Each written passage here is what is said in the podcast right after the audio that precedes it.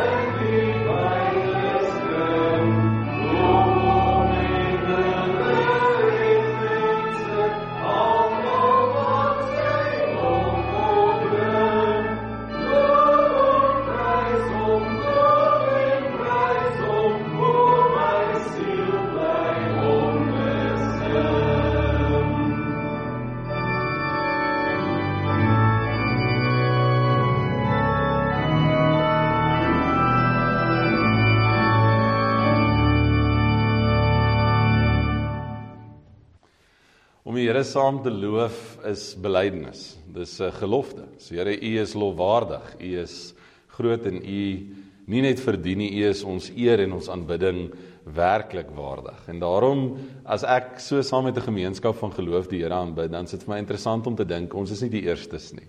Hoeveel mense se spore lê op hierdie aarde wat die grootheid en die almag van God besing het. Dis lekker om te dink vanoggend hier waar ek en jy is en daar by die huis het ons ons stem gevoeg by Dawid wat meer as 2000 jaar terug, 4 en 'n half, 5000 jaar terug gesê het, maar die Here is my herder. Ons het ons stem gevoeg by Rachel. Ons het ons stem gevoeg by gelowiges deur die eeue en oor die wêreld heen wat sê God is groot. En uh, ek gaan vanoggend so 'n bietjie die storie vertel van een van hierdie gelowiges wat op 'n besonderse manier deur die Here gebruik is. Ehm um, hy was amper 'n ad hoc aanstelling. Die Here het natuurlik Jesus Christus hier op aarde sy disippels geroep en hy het hulle toegerus met hierdie opdrag en met hierdie taak. En dan sien ons 'n 'n post-disipel. Ons sien 'n disipel wat na die ander disippels geroep word en dis natuurlik Paulus. Ek praat van Paulus. Wat op pad na Damaskus toe besig was om die kerk te vervolg toe Jesus Christus self aan hom geopenbaar is en gesê het maar nou or, eh, ek gebruik amper die Engelse woord ordyn of nou orden ek jou as my volgeling. En hierdie Paulus is dan verantwoordelik vir meer as die helfte nuwe van die Nuwe Testament. Hierdie Paulus gaan met so passie en met so dryf agter Jesus Christus aan dat hy in sy lewe 3 keer op reuse reise gaan om mense te vertel van God. Paulus kom tot bekering, maar hy wek ook bekering. Hy sien en hy ervaar en hy beleef God se grootheid, maar net daarna gaan hy ook en hy vertel dit. En een van die gemeenskappe wat Paulus dan gaan bedien en ons gaan vandag lees uit 'n brief wat hy aan hulle geskryf het, is natuurlik die gemeenskap van Korinte. En voordat ons saam lees in Korintiërs, wil ek net so ietsie vir julle vertel van Paulus se verhouding met hierdie stad, hierdie groot handelsstad in Griekeland. Paulus kom in Korintiërs aan en ons vermoed dit was hier om en by 50 na Christus en hy begin met groot dryfveer tipies soos Paulus mense tot bekering bring. Hy vestig en hy stig die gemeente daar saam met sy hulpwerkers en mense begin so bietjie glo in God. Maar ek dink baie keer neem ons baie van hierdie teologiese beginsels as van selfsprekend. Jy weet ons het mos nou groot geword in die kerk. Uh, ons het mos nou groot geword waar ons opstaan en sê ek glo in God die Vader, Maar instinktief direk daarna sê ons ek glo in God die Seun, Jesus Christus. Uh vir ons is dit van selfsprekend en onmiddellik reg. Maar ons moet onthou dat toe hierdie vroeë disippels en veral Paulus op sy sendingreise gegaan het, was dit nie algemeen aanvaarbaar nie. So so die kerk in Handelinge moes eers hulle self vind. Hulle moes teologie van vooraf bedink. En een van die groot interessanthede is juis dat Jesus Christus nie 'n kerk kom vestig het nie. Hy het mense kom toerus. Hy het nie dogma en teologie verwoord nie. Hy het nie in die tempel uh God geopenbaar nie. Hy het homself geopenbaar en gesê nou moet julle gaan en my storie vertel. En Paulus vertel dan nou hierdie storie van God in Korinte. Uh en en wat ons dan vermoed is hierdie gemeenskap in Korintiërs is een van die vroeë gemeentes, een van die vroeë kerke wat baie dinamies ontwikkel uh, met groot gusto en nou gebruik ek daai woord so 'n bietjie aspres want eintlik wil ek sê met groot gees. Want natuurlik het hulle die Heilige Gees begin hulle werk en hulle begin bedien, maar jy moet nou verstaan, mense het nie verander nie. In meer as 2000 jaar kan ek regtig sê mense het nie veel verander nie. Want soos wat hierdie jong kerk en en hierdie jong gelowiges met entoesiasme bedien en evangeliseer en getuig en onder leiding van die Heilige Gees werk, is daar klomp mense wat kritiek het. Wie's julle? Wat glo julle? Wie het julle gesag gegee? Julle mag mos nou nie eintlik uh namens die Here praat nie. En dan sien ons dat Paulus vroeg in sy bediening vir hulle 'n brief skryf. En uh net vir interessantheid, hierdie brief weet ons het bestaan want daar word verwysing na die brief gemaak in 1 Korintiërs. Maar wat die brief se inhoud was, weet ons nie. Maar ons vermoed Paulus het 'n klomp probleempunte aangespreek. Korintiërs was 'n handelsstad, groot hawe. Daar was daar was 'n klomp dinge wat aan die gang was in daai gemeenskap. Nou soos 'n Johannesburg of soos 'n New York, soos 'n Dubai waar daar baie mense is, is daar gewoonlik ook baie sonde. En uh, ons vermoed hierdie eerste skrywe van Paulus het gehandel oor die sonde en veral oor sedeloosheid. En dan is dit nou maar so, niemand hou daarvan om oor die vingers getik te word nie. Dan weet ons dat iemand hierdie brief nie positief ervaar het nie in hierdie kerk wat Paulus gestig het. En hy maak dan of sy maak dan nou 'n opmerking waar hulle eintlik vir Paulus persoonlik aanval. Waar hulle nou in Afrikaans het ons 'n paar maniere hoe ons iemand persoonlik kan aanval, nê? Ons kan vir iemand sê, "Man, jy's nou 'n regte ou rubbish of jy's nou 'n regte ou. Ek dink ons het 'n klomp woorde en jy dalk die sin klaar gemaak daar by die huis." Maar iemand sê toe nou nee, wat hierdie ou Paulus is 'n regte ou Paulus. En uh Paulus vat dit toe nou nie te goed nie. En dan sien ons in hierdie eerste Korintiërsbrief eintlik sy reaksie. En vermoed ons is die tweede Korintiërsbrief 'n treurbrief waar hy so 'n bietjie vir die gemeente sê hoor hy ek het julle probeer begelei, ek het julle gehelp stig, ek het vreeslike liefde vir julle en nou het iemand my sommer persoonlik aangeval en julle hoor nie my hart nie. En wanneer hy dan hierdie 2 Korintiërsbrief skryf as 'n treurbrief Is dit eintlik so asof hy die gemeente bietjie wil terugbring na die essensie van geloof? Hoekom doen ons wat ons doen? Dis vir my lekker. Dis een van die lekkerste dinge van die pandemie is ons word werklik gekonfronteer met die vraag wat is kerk? Dis 'n dis 'n dis 'n onmiddellike direkte vraag. Ek dink ons het baie keer al so 'n bietjie verval in ritmes, nê, nee? en in gewoontes. Kerk is mos nou op 'n Sondagoggend 9uur en dan kom ons nou hier by die kerk bymekaar en een ou uh, promoveer die blou bulle en die ander ou praat weer oor die Vrystaat en vriendinne gesels en dis mos nou kerk. Maar nou was dit ons ontneem en nou moet ons vir mekaar die vraag vra, maar is kerk net daar by die huis? Jy weet waar ons in die sitkamer sit as gesinne saam en bid? Is kerk miskien in die kombuis waar ek gou my koppie koffie drink en luister na die murmureringe van een of ander predikant of pastoor? Wat is spiritualiteit? Wat is geloof? Hierdie tweede brief van Korintiërs probeer hierdie vraag antwoord. En hy hy spreek twee interessanthede aan in die gedeelte wat ons nou saam gaan lees. Is daar twee temas wat sterk na vore kom. Een is dat baie mense hulle geloof as 'n statussimbool gebruik het. Nou Jesus Christus het natuurlik ook hierdie konsep baie sterk aangespreek in sy bediening. Toe hy gesê het maar die Joodse leiers is soos witgepleisterde grafte. Hulle staan op die straathoeke en hulle het groot gebede. Ehm um, nou ek het hierdie week nogal so 'n paar kere te doen gehad met media evangelisasie. Mense wat oor die internet of oor die televisie die woord van die Here promoveer. En een ding wat my nogal opval is hoe indrukwekkend baie van hierdie figure is. Jy weet die die die pakke blink en die beligting is perfek en die klank is foutloos. Uh en nog groter was my skok as jy na die FSA toe gaan en jy sien hoe hoe daai tele-evangelists met die woord van die Here omgaan. Uh ek het so 'n klein artikel gelees oor 'n ou wat dit nogal regverdig dat die gemeente vir hom 'n vliegtyg moet koop. En uh Wat ek nogal onder die indruk gekom het is dat ons in 2000 jaar nog steeds baie keer geloof as 'n status gebruik. Jy weet, ek's 'n bietjie beter as jy. Ek weet 'n bietjie meer as jy. Ehm, um, jy weet ons is baie afhanklik van profete en pastore en predikante, manne van God wat ons moet voorgaan. En dis hoekom ek vandag nogal die liturgie so 'n bietjie op sy kop wil draai en ek wil jou regtig bemagtig om self te teologetiseer, want ek dink dis wat die Heilige Gees gedoen het. Die Heilige Gees het vir ons 'n sleutel tot God kom gee. En in in in hierdie skrywe sal jy duidelik sien kom hierdie Paulus na hierdie gemeenskap toe wat hom aangeval het en hy sê vir hulle maar geloof is nie status nie. Om God te dien kan nooit jou meer maak as jou medemens nie. Ehm um, hoe die die die die teendeel is is eintlik waar. Hoe nader jy aan God is, hoe minder aansien en hoe minder eer behoort jy teenoor jou medemens te hê. Want onthou Jesus Christus het vir ons geleer, ons moet ons naaste lief hê. Kan ek dit 'n bietjie verder vat? Ons moet ons naaste se slawe wees. So hierdie idee dat die mense wat regtig nader aan God is, hoër is of meer aansien geniet of uh jy weet minder hoef te werk, is louter onsin. Paulus kom en hy sê dis nooit 'n status simbool nie. En dan nou net nog 'n klein bietjie agtergrond oor 'n tema wat my geprikkel het, maar ek is eintlik so spyt want hoe meer jy hieroor navorsing doen, hoe minder weet jy. Paulus gaan in hierdie gedeelte praat van 'n visioen, van 'n man wat weggeruk word na die derde hemel toe.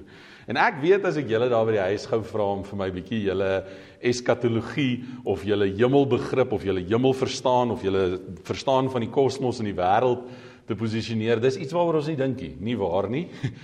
Net sommer so vinnige toets, wat is in die eerste hemel? Wat kry jy in die vierde hemel?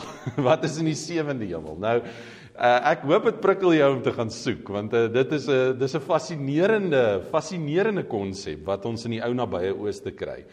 En jy gaan as jy 'n bietjie soek, dadelik agterkom, party mense praat van sewe hemele, ander mense praat van drie hemele en ek gaan nou nie verval in die akademie van die konsep nie. Maar ons vermoed of ons sien dat die Israeliete, die Jode, hierdie konsep van sewe hemele so klein bietjie gaan leen het by Mesopotamië waar die gedagte ontstaan het dat die wêreld in sekere ritmes ontwikkel het. En dat soos wat die wêreld ontwikkel het, het hulle eintlik maar net vir elke uh, die Engels het die woord dominion of vir elke ruimte 'n hemelstatus toegeskryf. Nou tot vandag toe nog, as jy na groot islamitiese teologiese predikers gaan luister, dan bestaan hierdie konsep nog steeds. En is interessant dat hierdie sewe simboliek Julle weet dit, in die Bybel baie gewig het, maar ook in die antieke wêreld was dit nogal 'n mitiese syfer, 'n mistiese syfer. Dis in baie toer kunste gebruik ensovoorts ensovoorts. Nou die hartseer ding wat ek vandag vir jou moet sê is ons het eintlik nie 'n begrip oor die dinge nie. Al wat ons weet is dat toe die Israeliete hierdie ding gaan leen het by ander godsdienste, het hulle nogal baie belang gehad by die derde hemel. Want hulle het gereken as jy bietjie dink oor hulle wêreldbeeld, die wêreld is op pilare gebou en hier onder is die onderwêreld en bo ons is die hemelkoepel. Wat is daar? God.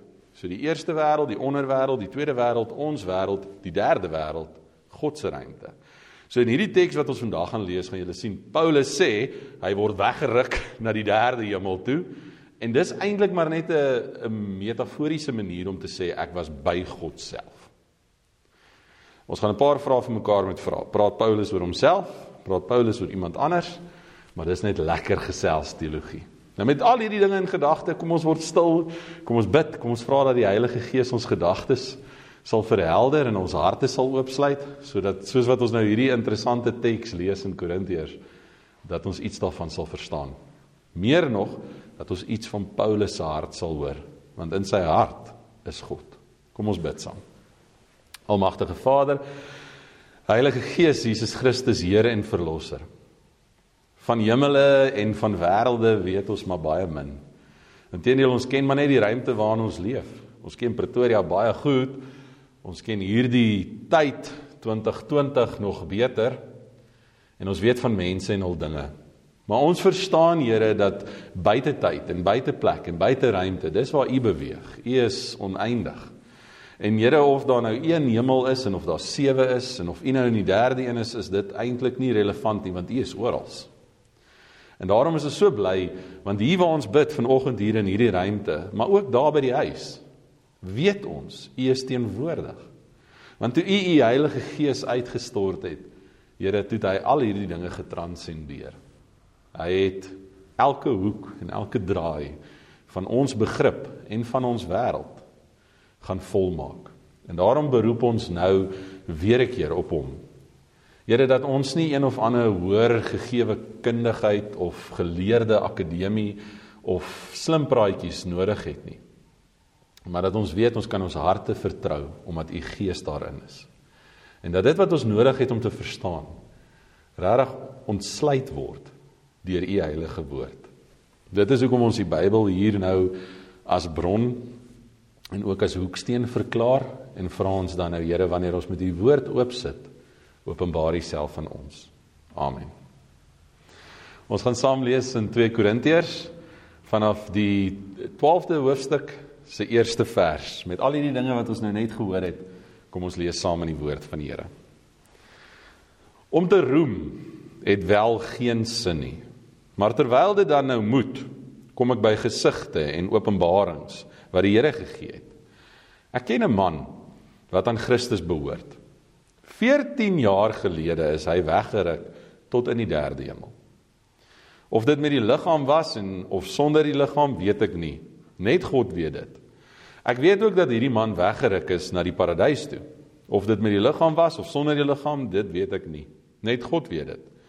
Daar het hy woorde gehoor wat 'n mens nie kan of mag uitspreek nie. Oor hierdie man sal ek roem, maar nie oor myself nie, behalwe oor my swakhede. Al sou ek wil roem, sal ek tog nie dwaas wees nie, omdat ek die waarheid sal praat. Maar ek weerhou my daarvan omdat ek nie wil hê dat iemand aan my eer moet toeskryf as wat hy my sien doen of hoor sê nie. Selfs nie vanweë die verhewendheid van die openbarings nie. Daarom sodat ek nie hoogmoedig sou wees nie, is daar vir my 'n doring in die vlees gegee. 'n Boodskapper van Satan om my met vuiste te slaan. 3 maal het ek tot die Here gebid dat hy dit van my af sal wegneem. Sy antwoord was: "My genade is vir jou genoeg. My krag kom juis tot volle werking wanneer jy swak is. Daarom sal ek baie liewer oor my swakhede roem, sodat die krag van Christus my beskutting kan wees. Daarom is ek bly oor swakhede, beledigings, ontberings, vervolging en moeilikhede ter wille van Christus. Want as ek swak is, is ek sterk. Dis een van die dink ek meer amuserende teksgedeeltes in die Bybel. Want Paulus doen 'n klomp goed. Hy hy gebruik bietjie beeldspraak, hy gebruik 'n bietjie van die Israelitiese geloofskultuur in en wat nog meer interessant is, hy gebruik tot iets van die Griekse se wêreld Griekse wêreldbegrip. Paulus kom na hierdie mense toe en onthou wat het gebeur. Hy was nou net beledig. Hy was nou net aangeval. Iemand het nou net vir hom gesê, "Hoorie, maar Paulus, jy's eintlik 'n banana. Jy het jy het nie seggenskap hier nie. Jy weet nie regtig iets nie." En ek dink die instinktiewe reaksie van enige mens wat beledig word, is om mos terug te slaan. Sien dit mos maar by kleintjies, nê? Nee? As iemand daai kleintjie van jou boelie, Janie, hoekom huil jy? Nee, frikkie het my geslaan. Nee, maar dan moet jy vir hom net harder terugslaan. Jy weet, as iemand jou stamp, stamp net 'n bietjie harder terug. As iemand jou sleg sê, het Langehoven gesê leef sodat niemand hom sal glo nie. Maar Paulus het dan nou hierdie geleentheid om hier in Korinte sy voet neer te sit. Want Paulus het natuurlik openbaring van God ervaar. Nou kom Paulus na Korintië toe in sy treurbrief en hy doen dit nie. Hy doen eintlik 'n baie interessante ding. Hy praat oor homself maar in die derde persoon. Ek ek hoop dit het jou geamuseer. Het jy agtergekom hoe vinnig het Paulus se beskrywings hier verander. Hy sê ek ken 'n man, die man was weggeruk na die derde hemel toe en daar het God aan hom goed geopenbaar, woorde gebruik wat nie gesê mag word nie, nou net vir interessantheid, dis die gnostiek, dis nou iets wat die Grieke baie van gehou het as jy 'n boodskap gekry het wat ek nou nie het nie, dan is jy nou so 'n bietjie slimmer en bietjie nader aan God. Nou kom Paulus en hy sê vir hulle ek ken so 'n mens. Ek ken 'n mens wat homself kan verdedig. Ek ken 'n mens wat aansien en eer kan geniet. Ek ken 'n mens wat nader was aan God as jy. Maar Paulus praat van homself in die derde persoon. Hy praat van homself asof daai mens nie regtig hy is nie. En die rede hoekom hy dit doen, is die regte hy, die regte Paulus is 'n sondaar. En en ek wens so dat gewone mense, inteendeel ek praat hier net met myself. Ek wens so dat ons daai onderskeid kan tref dat dat wanneer ek regtig goed is, nê, nee, en wanneer ek nou regtig heilig is. Jy weet as ek nou hier in die kerk kom sit en my das is aan en my hare is gekam, nou weet julle sommer ek jokok. Ehm um, dan dan is dit eintlik 'n skyn ek. Dis 'n skynbeeld, die regte ek is daar in my binnekamer wanneer daai deur toe gaan, nê? En ek hier in my gedagtes daai begeertes en daai selfsug en daai ideale begin mee konkel en woeker. En Paulus kry dit reg om daai twee persone van mekaar te skei. Hy sê ja, daar is 'n Paulus wat op pad na Damaskus toe Jesus Christus ontmoet het. En daar is 'n Paulus wat goed van God weet wat ander mense nie weet nie. Daar is 'n Paulus wat openbarings gekry het wat wat wat spesiale openbarings van die Here gekry het, maar daai Paulus is nie eintlik ek nie. Daai Paulus is 'n begenadigde Paulus. En voordat ek oor hom praat, wil ek praat oor die regte Paulus, die sondaar Paulus. Paulus kom en die eerste ding wat hy doen is hy sit sonde in perspektief. Hy kry dit reg om vir ons te sê dat die sonde is die teenpool van God. Die grootste fout wat ek sien in moderne teologie is mense erken die Satan as die teenpool van God. Jy weet as jy vir 'n kleintjie gaan vra wie's God se grootste vyand? Wie's God se se enemy? Dan sal hulle sê dis die duiwel. Dis mos die, die Here en die duiwel wat met mekaar beklei. Maar maar kan ek net vandag dit vir jou sê? Dis dis louter op onsin. Dis nonsens. Die Here het die duiwel gemaak. Die Here het die duiwel geskep. Dis dis iets wat hy self gemaak het. Inteendeel, toe die Here met die duiwel beklei het, het hy hom nie eens genoeg geag om self met hom te gaan beklei nie. Hy het sommer net een van sy engele gestuur. Die duiwel is nie God se grootste vyand nie. Toe Jesus Christus aarde toe gekom het, het hy gekom om eintlik oorlog te voer teen een entiteit. En daai entiteit was natuurlik die dood. Maar wat lei tot die dood? Sonde. Die sonde is die teenpool van God. Nou die eerste vraag wat mense sal vra is okay, maar wat was wat is dan die rol van die duiwel? Hoekom word die duiwel altyd in relasie tot die sonde aangehaal? En wat Paulus hier mooi doen, is hy sê dit so mooi. Hy sê iets is in sy lyf, iets slat hom met vuiste, maar die maar die Satan het dit gestuur. Die die Satan het dit daar gestel. En en reg deur die Bybel is die duiwel nie God se vyand nie. Reg deur die Bybel is die duiwel die verleier. Is die duiwel die een wat die koek voor jou kom neersit? Hy is nie die een wat die koek in jou mond indruk nie. Hy is nie die een wat jou forceer om sonde te pleeg nie. Dink aan die gesprek tussen Satan en Jesus Christus. Hy los net daai saadjie daar. Miskien as jy die seun van God te spring. Het die het die Bybel nie gesê jy kan hierdie klippe in brood verander nie? Die duiwel plant net Maar my en jou sonde laat dit ontkiem. My en jou sonde laat dit groei. En kom ons wees maar eerlik, my en jou sonde gaan snoei dit elke seisoen en gee dit water en spit die bedding. My en jou sonde onderhou dit.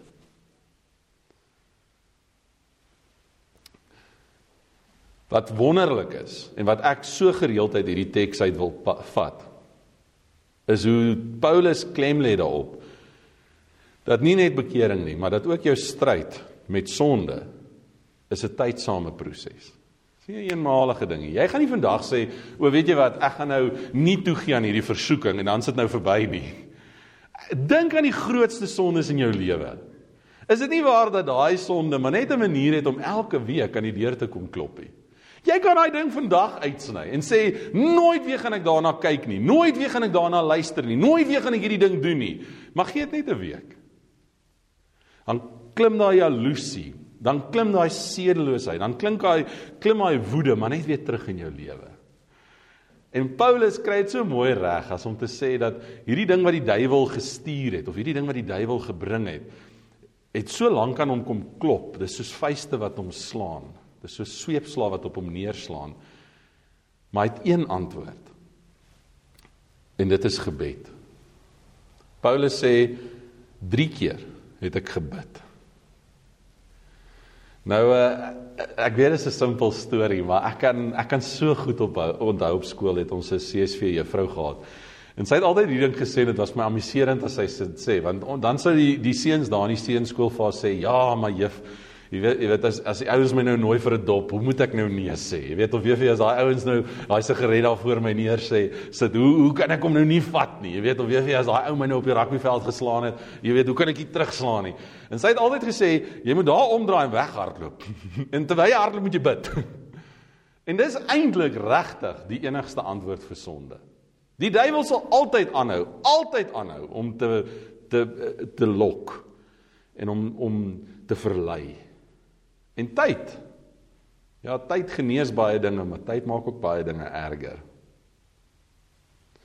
En die enigste antwoord wat ek en jy regtig het op sonde is gebed. Nou weet ek meeste mense sal vir my sê ja, maar ek my sondes is nie so bad nie. my sondes, jy weet ek word so nou en dan kwaad. Maar dis nou, jy weet, wie word nou nie kwaad nie. jy weet of ja, jy weet ek het daai ek het nou een keer verneek, maar jy weet wie was nou nog nooit tot ou Dawid. Ja, hy was nou al baie sleg, jy weet. Of ja, jy weet, ek ek vergryp my miskien so nou en dan aan aan aan hierdie gewoonte, maar dis mos nie dis mos nie so bad nie. Wie kry regtig seer? Nou wat lekker is van hierdie teks en hoekom ek hierdie teks geniet is Paulus het 'n hy het 'n toets vir die sonde. Hy sê jy kan jy kan gaan oefen. Jy kan gaan oefen hoe lyk jou lewe? Is jou lewe sondevry of is jou lewe sonde belas? Dan is eintlik maar net een van die twee.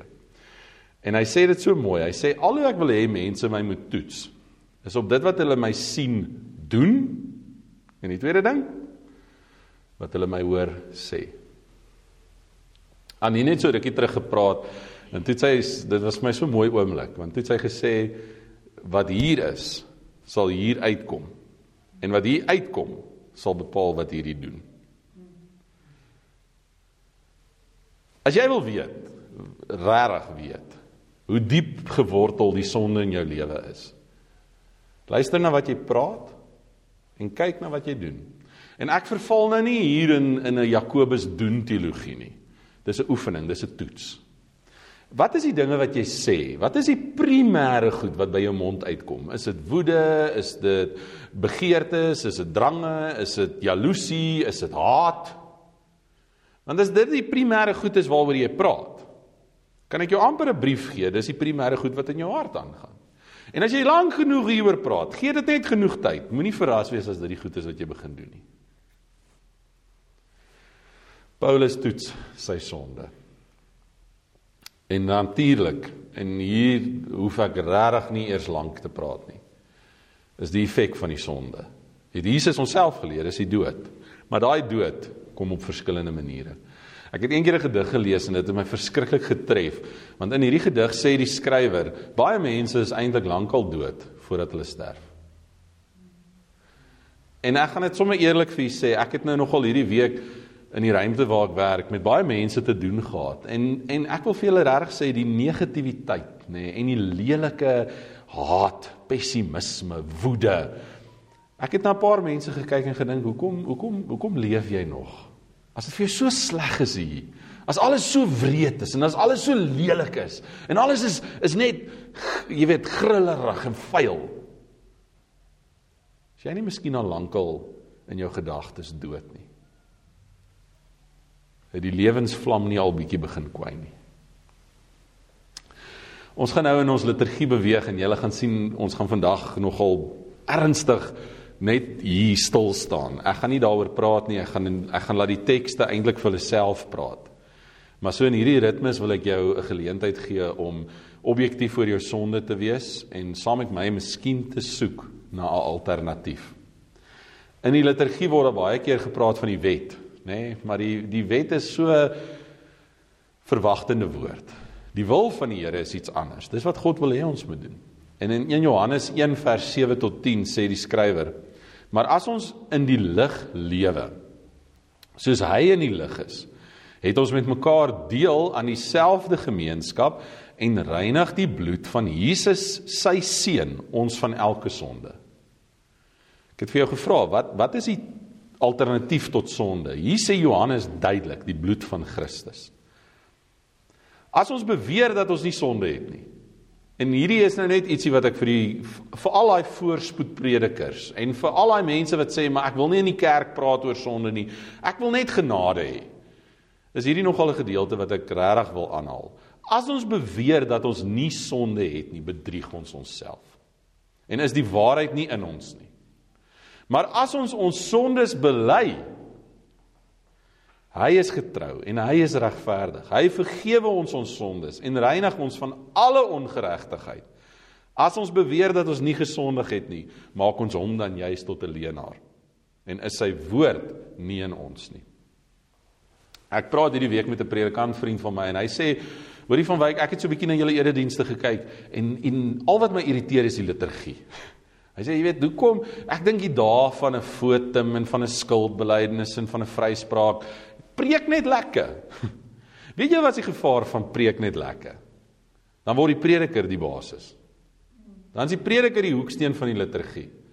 En kan ek nou vir jou sê, ek ken baie dominees, maar kom ek sê jou sommer ek ken hierdie dominee baie goed. En as hierdie ou die hoeksteen moet wees van jou geloof, dan wil ek vir jou sê as jy op water gebou. Hier leer die wil van die Here vir ons. Ons kan oop kaarte met God speel. Hier is die een plek waar ek en jy vir mekaar kan sê ons het sonde. So vir dit nie weg te steek nie. Hier is die een plek waar ek en jy vir mekaar kan sê ons is stikkend. En net die bloed van Christus kan ons help. Dis hoekom ek seker maar tot die dag wat ek in my graf ingaan, sal sorg dat daar in elke liturgie waar ek die geleentheid het om voor te gaan 'n ruimte sal wees vir die wil van die Here en dit moet uit die woord uitkom en 'n ruimte vir vryspraak en skuldbeleidnis. Ek wil jou nooi om nou hier saam met my te sit, daar by die huis as 'n gesin, miskien wil julle hande vat as julle hierdie lied sing. As jy alleen is, hoop ek jy ken hierdie lied al so goed dat jy jou oë kan toemaak. Maar gaan na die Here toe. Dink aan daai dinge in jou lewe wat wat so vieslik is en wat so verkeerd is en wat so lelik is en wat jy so wegsteek vir mense. Moet dit nie meer wegsteek vir God nie. Vat dit nou na hom toe en gaan praat met die Here. Kom ons sit so en ons bid saam. Heilig is die Here.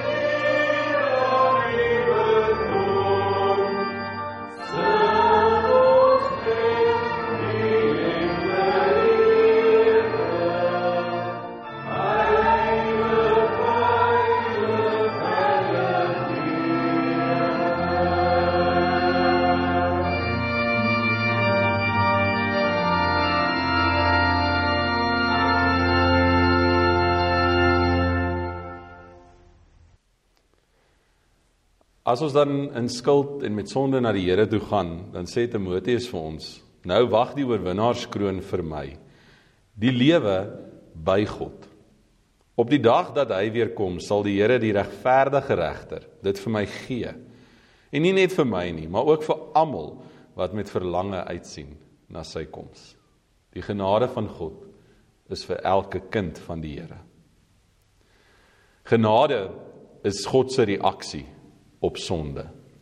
Daar's 'n gedagte wat nogal by my opkom en baie mense sal sê daar is iets soos duisternis nie. Ek ek dink julle het dit ook al gehoor. Hulle sal sê donker is nie 'n regte ding nie, nê? Nee? Dis net donker as lig afwesig is. Julle het dit al dink ek almal gehoor, hierdie hierdie konsep van duisternis is nie 'n regte ding nie, dis die afwesigheid van lig. En ek het nogal hierdie konsep baie keer in die kerk ook al gehoor wat mense sal sê, dis wanneer God nie in jou lewe is nie, dan is die sonde primêr. Jy weet, dis wanneer God nou ver van jou af is of wanneer jy nie die Here in jou lewe toelaat nie, dan doen jy sonde. Ek dink die probleem met hierdie teologiese konsep is wanneer mense dan sondig, wanneer hulle die Here in hulle lewens het, dan is daar hierdie dubbele skuldgevoel. Want in die eerste plek voel hulle skuldig oor die sonde. Maar in die tweede plek voel hulle dan ook geloofskuldig. Jy weet want die, ek sê veronderstel om nou sonde te gedoen het nie. Ek het mos nou die Here. En en en daarom wil ek alhoewel dit miskien wetenskaplik so is dat duisternis nie bestaan nie en dat duisternis net die afwesigheid is van die lig wil ek so 'n bietjie hierdie konsep in die kerk aanval. Die sonde is 'n regte egte ding. Die sonde is nie die afwesigheid van God nie.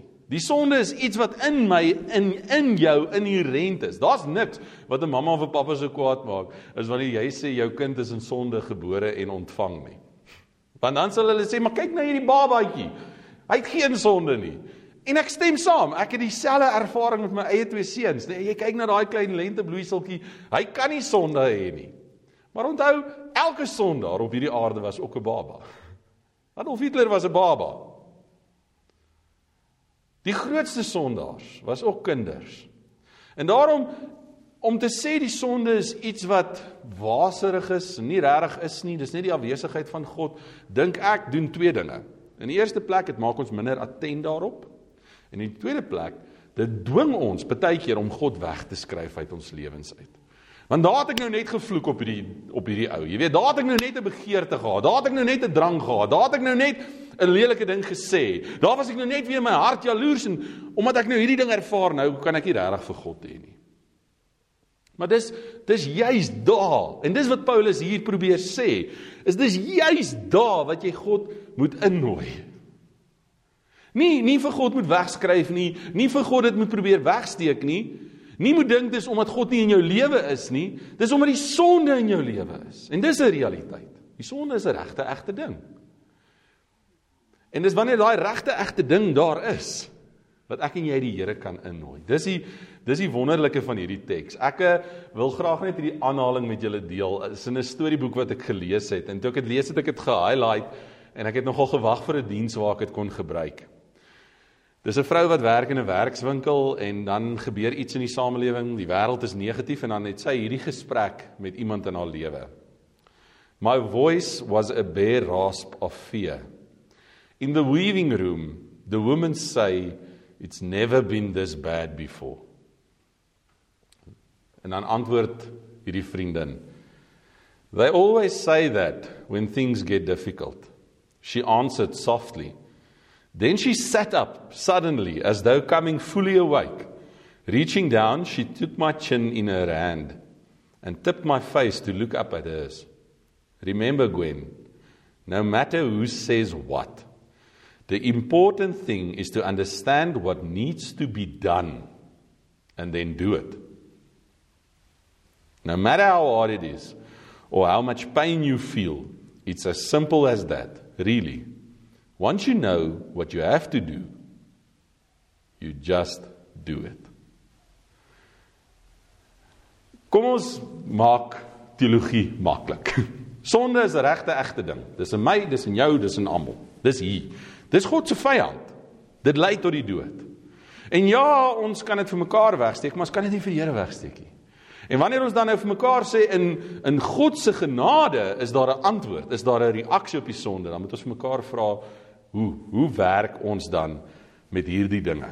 En nou het ek vir julle gesê vandag gaan nie 'n preek wees nie, vandag gaan 'n gesels wees. So ons vra vir mekaar dan hierdie onmiddellike vraag: Wat is ons reaksie op sonde?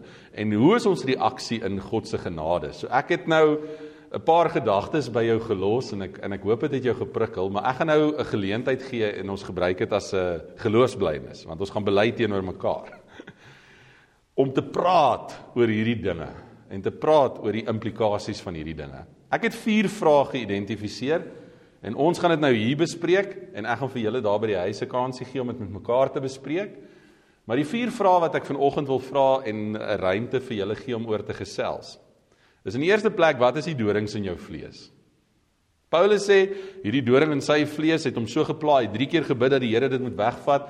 Ag vir interessantheid, ons weet nie wat dit was nie. Ons vermoed dit was miskien 'n fisiese ding soos 'n epilepsie of 'n uh, reumatiek. Um, maar hy sê dit het gevoel of iemand hom met vuiste slaan. So dis iets wat met Paulus fisies gebeur het. En uh, hy het gebid dat die Here dit moet wegvat. Maar wat is wat is die doring in jou vlees? Is dit miskien 'n dwaalende oog? Is dit miskien woede? Is dit dalk jaloesie? Wat is die wat is die doring in jou lewe? As jy nie die guts het om dit vir die mense daar in jou gesin te sê nie, ek dink jy ons gaan die guts hê om dit hier vir mekaar te sê nie. Dink dit, identifiseer dit. En nou in die tweede vraag, wanneer het jy al in jou lewe God se genade ervaar? Waar het jy regtig gevoel maar die Here die Here gee my 'n kans? En dan die derde vraag, hoe rus daai genade jou toe om dan die uitdagings in jou lewe anders te benader? En dan vraag 4, Wat het jy vandag nodig om weer God se genade die sentrale bron van hoop in jou lewe te maak? Ons gaan hier lekker gesels. Ehm um, ek dink miskien gaan die videograaf so 'n stukkie daarvan afneem en ons sal dit aan die agterkant van die diens insit. Ehm uh, maar daar gaan nou net hierdie vrae op jou skyfie wees met 'n liedjie wat speel. Pause die video. Praat met jou man, praat met jou vrou. Moet asseblief nie vir mekaar kwaad word as julle oor hierdie dorings praat nie. Hoor 'n bietjie jou kinders se hart. Kom ons gesels lekker saam.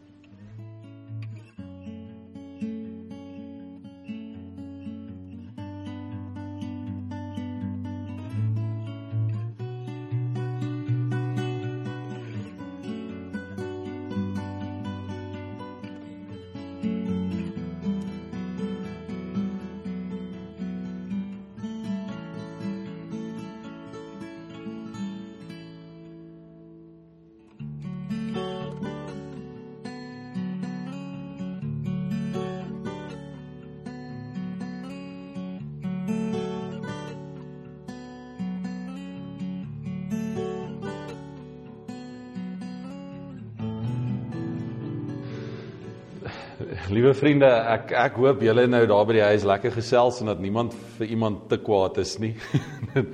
Inteendeel, ek hoop eintlik dat daar 'n 'n groot stuk nederigheid en 'n groot stuk gebrokkenheid en 'n groot stuk empatie vir mekaar en vir die mense wat saam met jou leef daardeur ontwikkel is.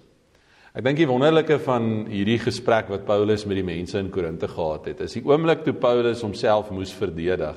Toe het eintlik die kritiek bekragtig uh toe hy eintlik die kritiek geregverdig en gesê ja, wanneer jy met my Paulus werk, werk jy met 'n sondaar. Maar dit is nie die som totaal van my menswees nie. Paulus het dit op 'n ongelooflike manier reggekry om te sê jy moet altyd na jouself deur twee lense kyk. Jy moet deur die lens van die sonde na jouself kyk en sê maar dit is die wesenlike ek. Dit is dit is ek wat hierdie verskriklike dinge dink en hierdie verskriklike dinge doen en hierdie verskriklike dinge aanvang. Dis die reine waarheid. Maar die ander kant van hierdie sondemunt is die lens van genade. God se genade. Wanneer hy na my kyk en ons het mos nou al legio kere hieroor gepraat. Wanneer God na my kyk, dan sien hy my deur die bloed en deur die lens van Jesus Christus. Se se sondeoffer op Golgotha. En daarom ja, ek sondaar, maar ook ek begenadigde kind van God.